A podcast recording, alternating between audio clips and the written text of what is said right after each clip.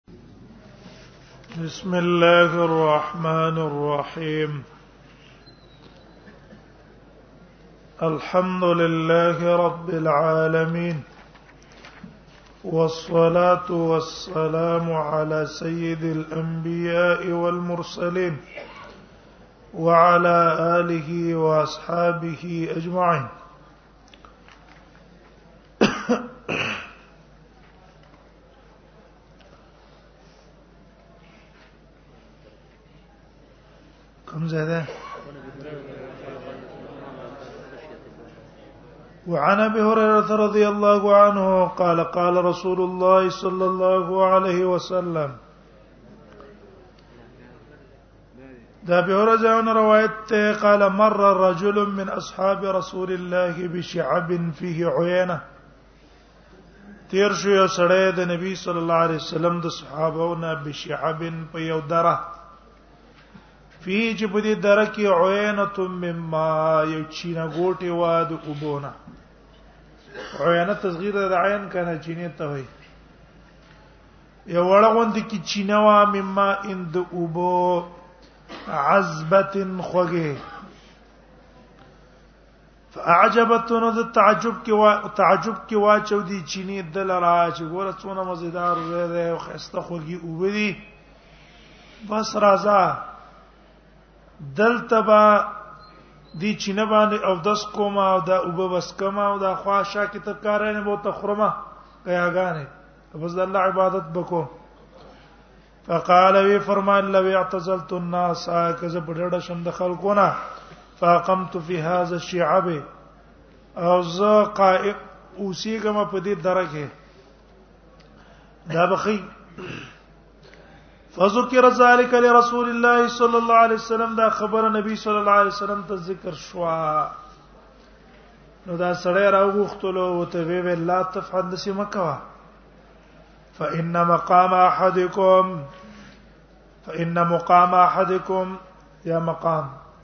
یقینا ادریدل د یو تن ستاس او د الله په لار کې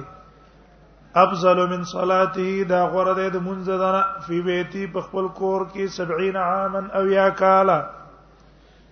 اې دا الله په لار کې ولاړې کنا او یا کالا د په کور کې منځ کو دا د الله په لار کې jihad کې دا لک ټیم غره ده الا تحبون تاسو دا خوخ نه غړنای یغفر الله لكم چې الله تبخنو کی و يدخلكم الجنه داخل کی تاسو جنت ته خوخ نه ده اغزو فی سبیل الله جنگ کوي د الله پلار کې الله پلار کې jihad لځای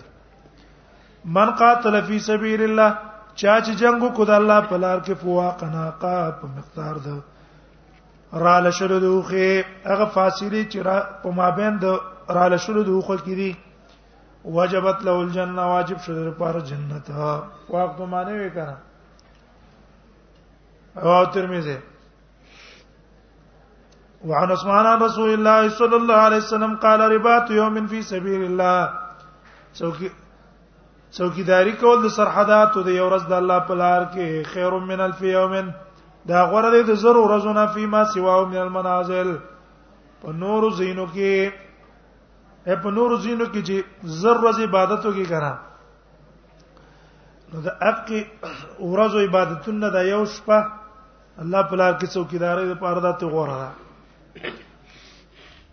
وعن ابي هريره ان رسول الله صلى الله عليه وسلم قال عرض علي اول ثلاثه ستن نبی صلی الله علیه وسلم فرمایلی دی وی پیش کړی شو په ما باندې اول درې کسان چې داخلي کې بجنت تا اول به الله جنت ته بوزي اول پای کې شهید ده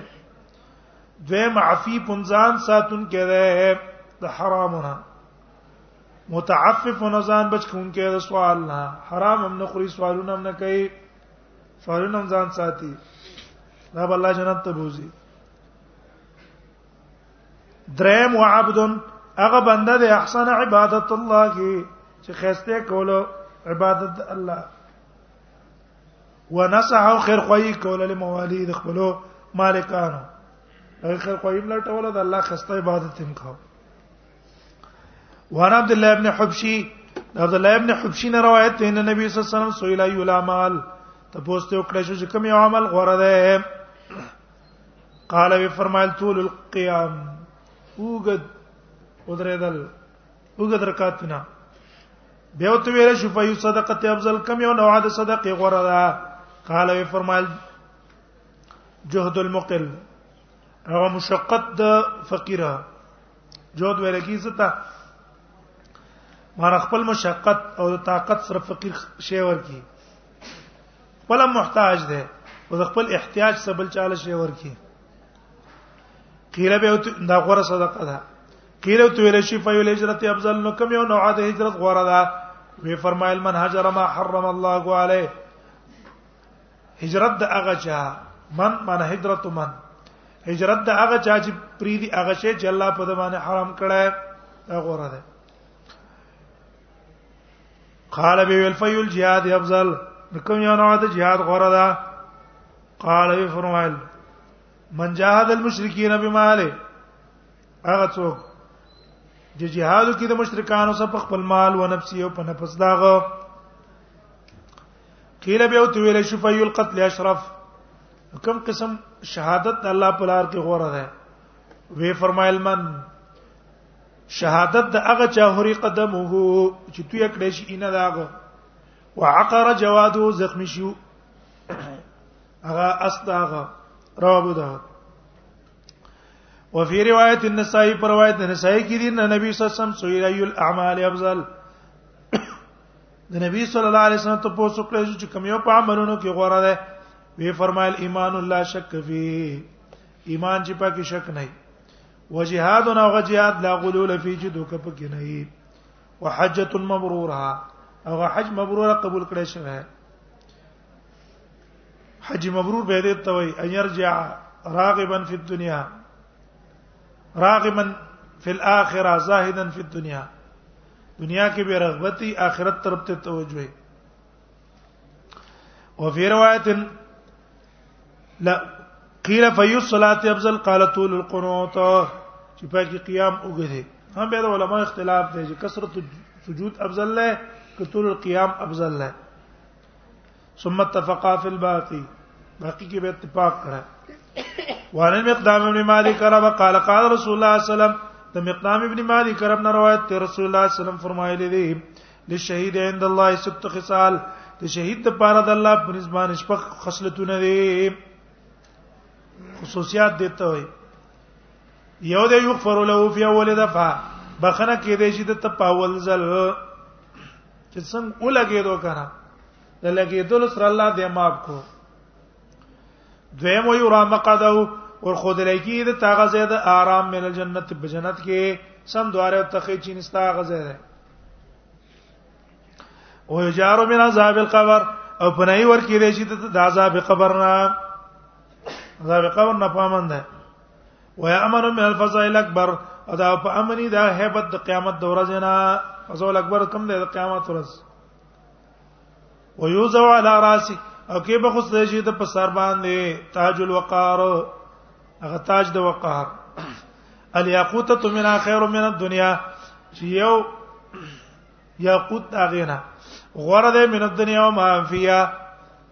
هغه څنګه چې په دنیا کې دي او کم چې په د دنیا نه چې په دنیا کې دي د ټولو نه غوړه دي او یزوج سنتين و 70 زوجه او ور به کړی چې د تدوا اویا من الحور العين د حور عیننا ويشفع عام ومن د پاره پسې دي چې دوه راغلي شهید د پاره ویا راغلي لیکن ډیری دي ويشفع في سبعين من اقربائه او شفاع او شپارس به کېدل شپارس به د قبل ولې شي فی سبینا من اقربای په بیا کسان من اقربای خپل خپلوانو نه دنا رواه ترمذی او ابن ماجه وعن ابي هريره قال قال رسول الله صلى الله عليه وسلم ده ابي هريره روایت رسول الله صلی الله علیه وسلم فرمای من لقي الله سوچ ملاقات شو د الله تعالی سره بغیر اثر من جهاد بغیر د اثر د جهاد نه دا کې څه جهاد اثر نه لقي الله دیوت الله سم ملاقات شي او فی ثلما او پد کې وکندوي غیر اثر من جهاد سمانا ده چې علامه پنشته ده د علاماتو د جهاد نه زخم پنه ده لګیدل د الله د لارې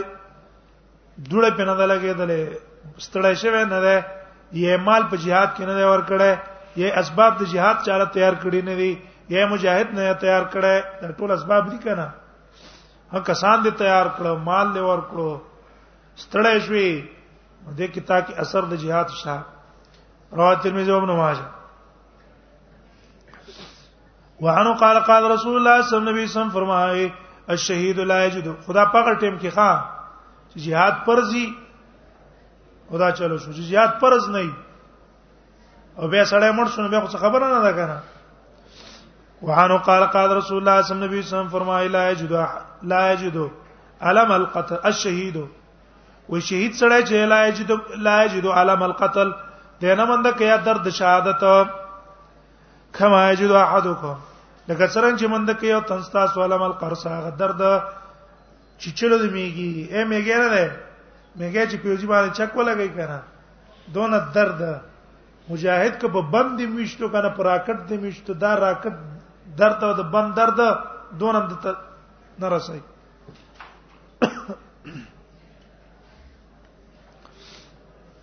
رواه ترمذی والنسائی والدارمی وقال ترمذی ذاتی سنن سم غریب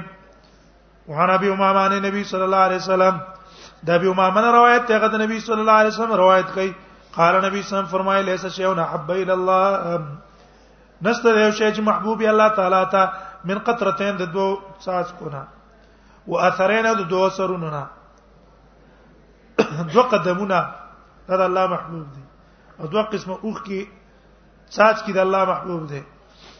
یو د قطره الدموع من خشیت الله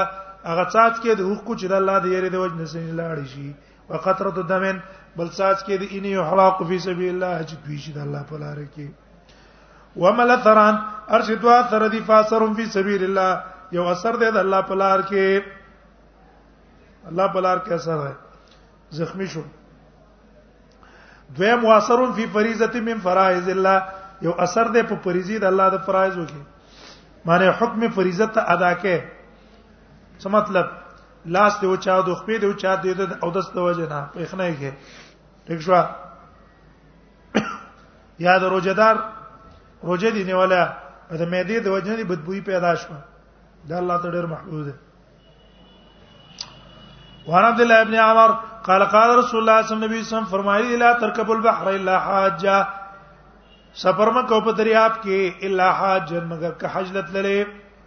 هم معتمرا یا عمره لتللې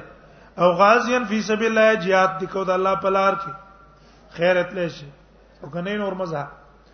ولی فین تحت البحر نار ازکه د ور نه لاندې د دریاب نه لاندې ور ده یا د سی ویری تحت النار بحر د ور نه لاندې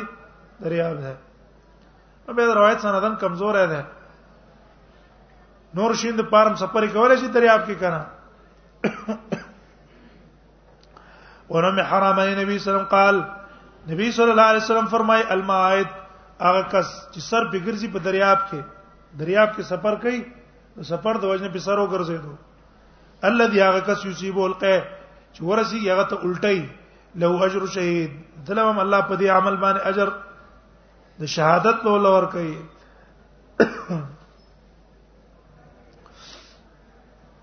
وانا بمالک الاشری سمعت رسول الله سم يقول من فصل څو چې جدا شو د الله پلار کې د خپل علاقې نه فاصله معنا څه ده وتل د خپل علاقې نه جدا کېدل الله پلار کې فمات د امر شو په خپل مرګ او قتل یو وجل شو او وقصه فرسه یا مات کو دل را څټ د وقص ویل کی مات ول د څټ تا مات کو څټ د اس د او بعیر یو خد د او لدغه تو هم یو چې چلو د رحم زهريله حيوان او ما تعالی فراش یا مر شو په خپل بستر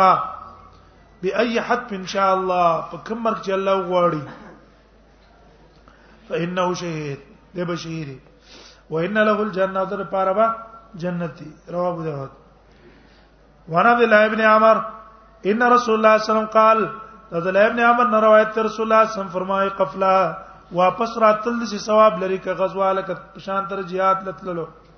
ته جتلې کړه دا قدمونه دی الله اجر کې لګي دغه چې واپس راتل کوره پوره دام دی الله لکی رواه داود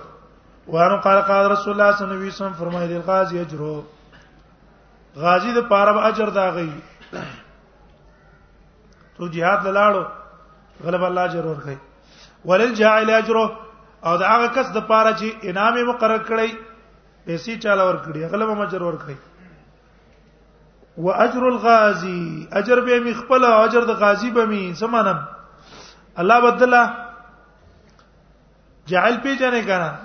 چاته اجرت ور کوي روه دا پیسې واخلو jihad لاړ شه نو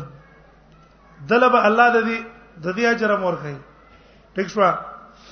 او غا د غازی اجر په مور کوي څه مطلب غازی له الله خپل اجر ور کوي خدایي مطابق په دقه سي اجر دلم ور کوي ځکه دا سبب جوړ شوی دی کنه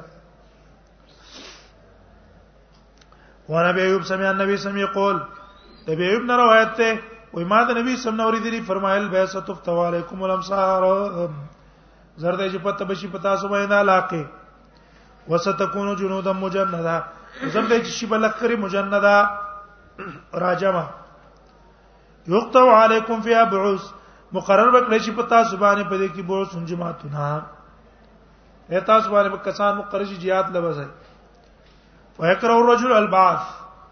یو سړی به بد وګڼي البعث تلل ويتخلص من قومه نو سبشي دی برا جدا شي من قومه د قوم نه دنا خپل قوم نه برا جدا شي ولی غرض ادا ده که زه دې قوم سره زما نو ماته څه نه ملاوي دغه د خپل باندې څه ده منګه ذمہ ده کنه دنه په باندې ځان خلاص کی دا می چل دی فلان دی وغه دی د دې جن بلاټ شي نور کسان ته بو یلکه زبستاسو په زیلاټ شي مخمال بسرا کوي پیسې ورا کوي که خپل قوم طرف نه ځي پیسې ته نه ملاويږي د دې جن ځان په بانو مانو خلاص کو او حال تبل لاړو پیسو په ذریعہ باندې لاړو سپیش وای تخلص نو ځان بخلاص کی ده من قومي د خپل قوم نو ثم يتصفح القبائل به بد تفتیش او تلاش کی د نور قبيلو يعرج نفسه عليه په ځان به پاغي ور پیش کړي وای بو تمنک فی باسه قضا څوک د جزه کافی شم د دنه باسه قضا پلان کی جماعت نبی صاحب فرمای الا وذالک لجیر خبردار دا مزدور دی الی اخر قطره من دمه اخر ساج کې دیني پوره خر ساج کې دیني پوره دی مزدور دی رواه ابو داود وهي على ابن اميه قال اذن رسول الله صلى الله عليه وسلم بالغزو اذن رسول الله صلى الله عليه وسلم بالغزو وي خبر ورکو نبی سم په جهاد وانا شیخ کبیر او زه بډا و مړیر لیس لی خادم زما خادم نو فلتمس کو اجیرا نو ما طلب کو یو مصدر یکفینی چې زما په ځای کافی شي فوجدت رجل ما مند کو یو سړی سمیت له ثلاث دنانیر ما ته درې دینار مسما کړ چې ما سلاړ شه زبتا له صدر کما درې دینار بدر فلما حضرت غنیمه هر کله چې حاضر شو غنیمه ته اردت نجری له سهمه ما اراده و چې د تخپل حصہ د ورکم فجئت النبي صلی الله علیه وسلم تر عالم وذكرت له دا خبره مې ته ذکر کړه چې دا سره ما په مزدوري راوسته فقال نبی صلی الله علیه وسلم له فی غزوه هذه زنمند کوم در پاره په غزا د دې کې چې دا د په دنیا په دنیا کې او په آخرت کې الا دنانی رولتی مگر روپۍ داغه تسمع چې چی کړی دي سما کړی بس دا روپۍ ته ملاوي شي وحنا به اورین رجل قال یا رسول الله دا به ورځ روایت یو سړي ویل د الله پیغمبره رجل یرید الجهاد یو سړی د اراده د جهاد د الله په لار کې او ويبت غیر د من راز دنیا دا طلب کوي سامان د سامان د دنیا نه هم ازي دنیا په غرض باندې نبی سم علاج رلو ثواب نه کیږي ځکه خالص نیت نه ده وان معاذ قال قال رسول الله صلی الله علیه وسلم فرمای الغزو غزوان جهادونه دوه قسمه دي فاما من ابتغى وجه الله هغه څوک چې طلب کو د الله رضا او طاعت امام تابعداري د امام وکړه وان فقل کریمه خرچ کول کریم عزتمن مال ویا سر شریکا او سانتیا معاملې او کړي شریک سره وشتنول فساد او ځان ساتو د فساد نه فإن نومه هو نبا نو د دوی د کېدل او را پاتېدل اجر کله ټول ثواب ثواب ده واما من غزا فخر وریا او هغه څوک چې غزا یو کړ د پار د فخر او دریا وسمعتن او د شهرت وعصر امامنا پرمانی د امام وکړه وافسد فی الارض فساد په زمکه کې وکړو فإنه لم يرجع بالكفاف سر په سر بنه راځي ګناه به شي ثواب به نه وانا عبد الله ابن عمر انه قال يا رسول الله صلى الله عليه وسلم اخبرني الجهاد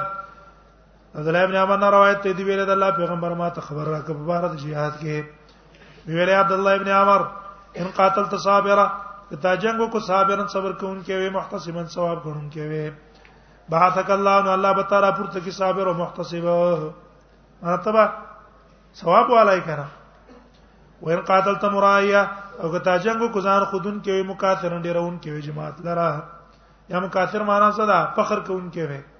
خپل فخرونه شمارل چې دا زده سي مې مجاهده مې مو مولا مې مو داعی مې مو فلان مې مو دا د کول مکاثرن مرايا مكاثرا بعثك الله مرايا مكاثرا نو راپورته به کې الله تعالی را مرايا ریاکار